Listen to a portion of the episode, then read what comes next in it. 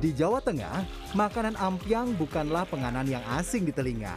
Kendati di beberapa daerah penyebutannya berbeda. Penyebutan ampiang muncul lantaran bentuk panganan ini mirip jalan rusak yang dalam istilah Jawa disebut dalan ampiang.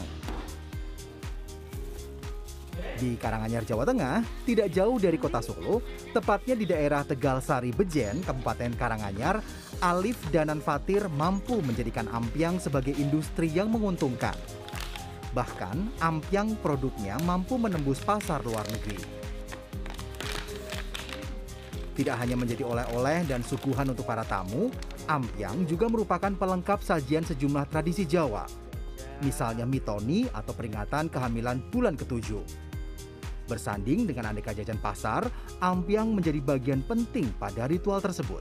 Ini khasnya itu ampiangnya itu jahenya, Hmm. jahenya rempahnya itu kerasa, Oke. gulanya juga asli, nggak ada campurannya, Hmm. rasanya enak pokoknya. Hmm. Biasanya kalau makan ampiang tuh waktu apa? Kalau saya seringnya sore Hmm. sambil pakai teh tawar, Hmm. Ya, sambil ngobrol-ngobrol sama keluarga gitu. Oke. itu sudah ampiang, gula, kacang, ekstrak jahe. Dulu pernah kita membuat ada rasa moka, ada rasa susu, ada rasa kopi, ada rasa pedas. Ya, untuk tambah energi stamina. Ada ampiang kebetulan ada manfaatnya untuk energi yang pasti kalorinya kan banyak terdiri dari gula sama kacang. Harga ampiang cukup terjangkau, antara Rp8.000 hingga Rp12.000 untuk kemasan kecil.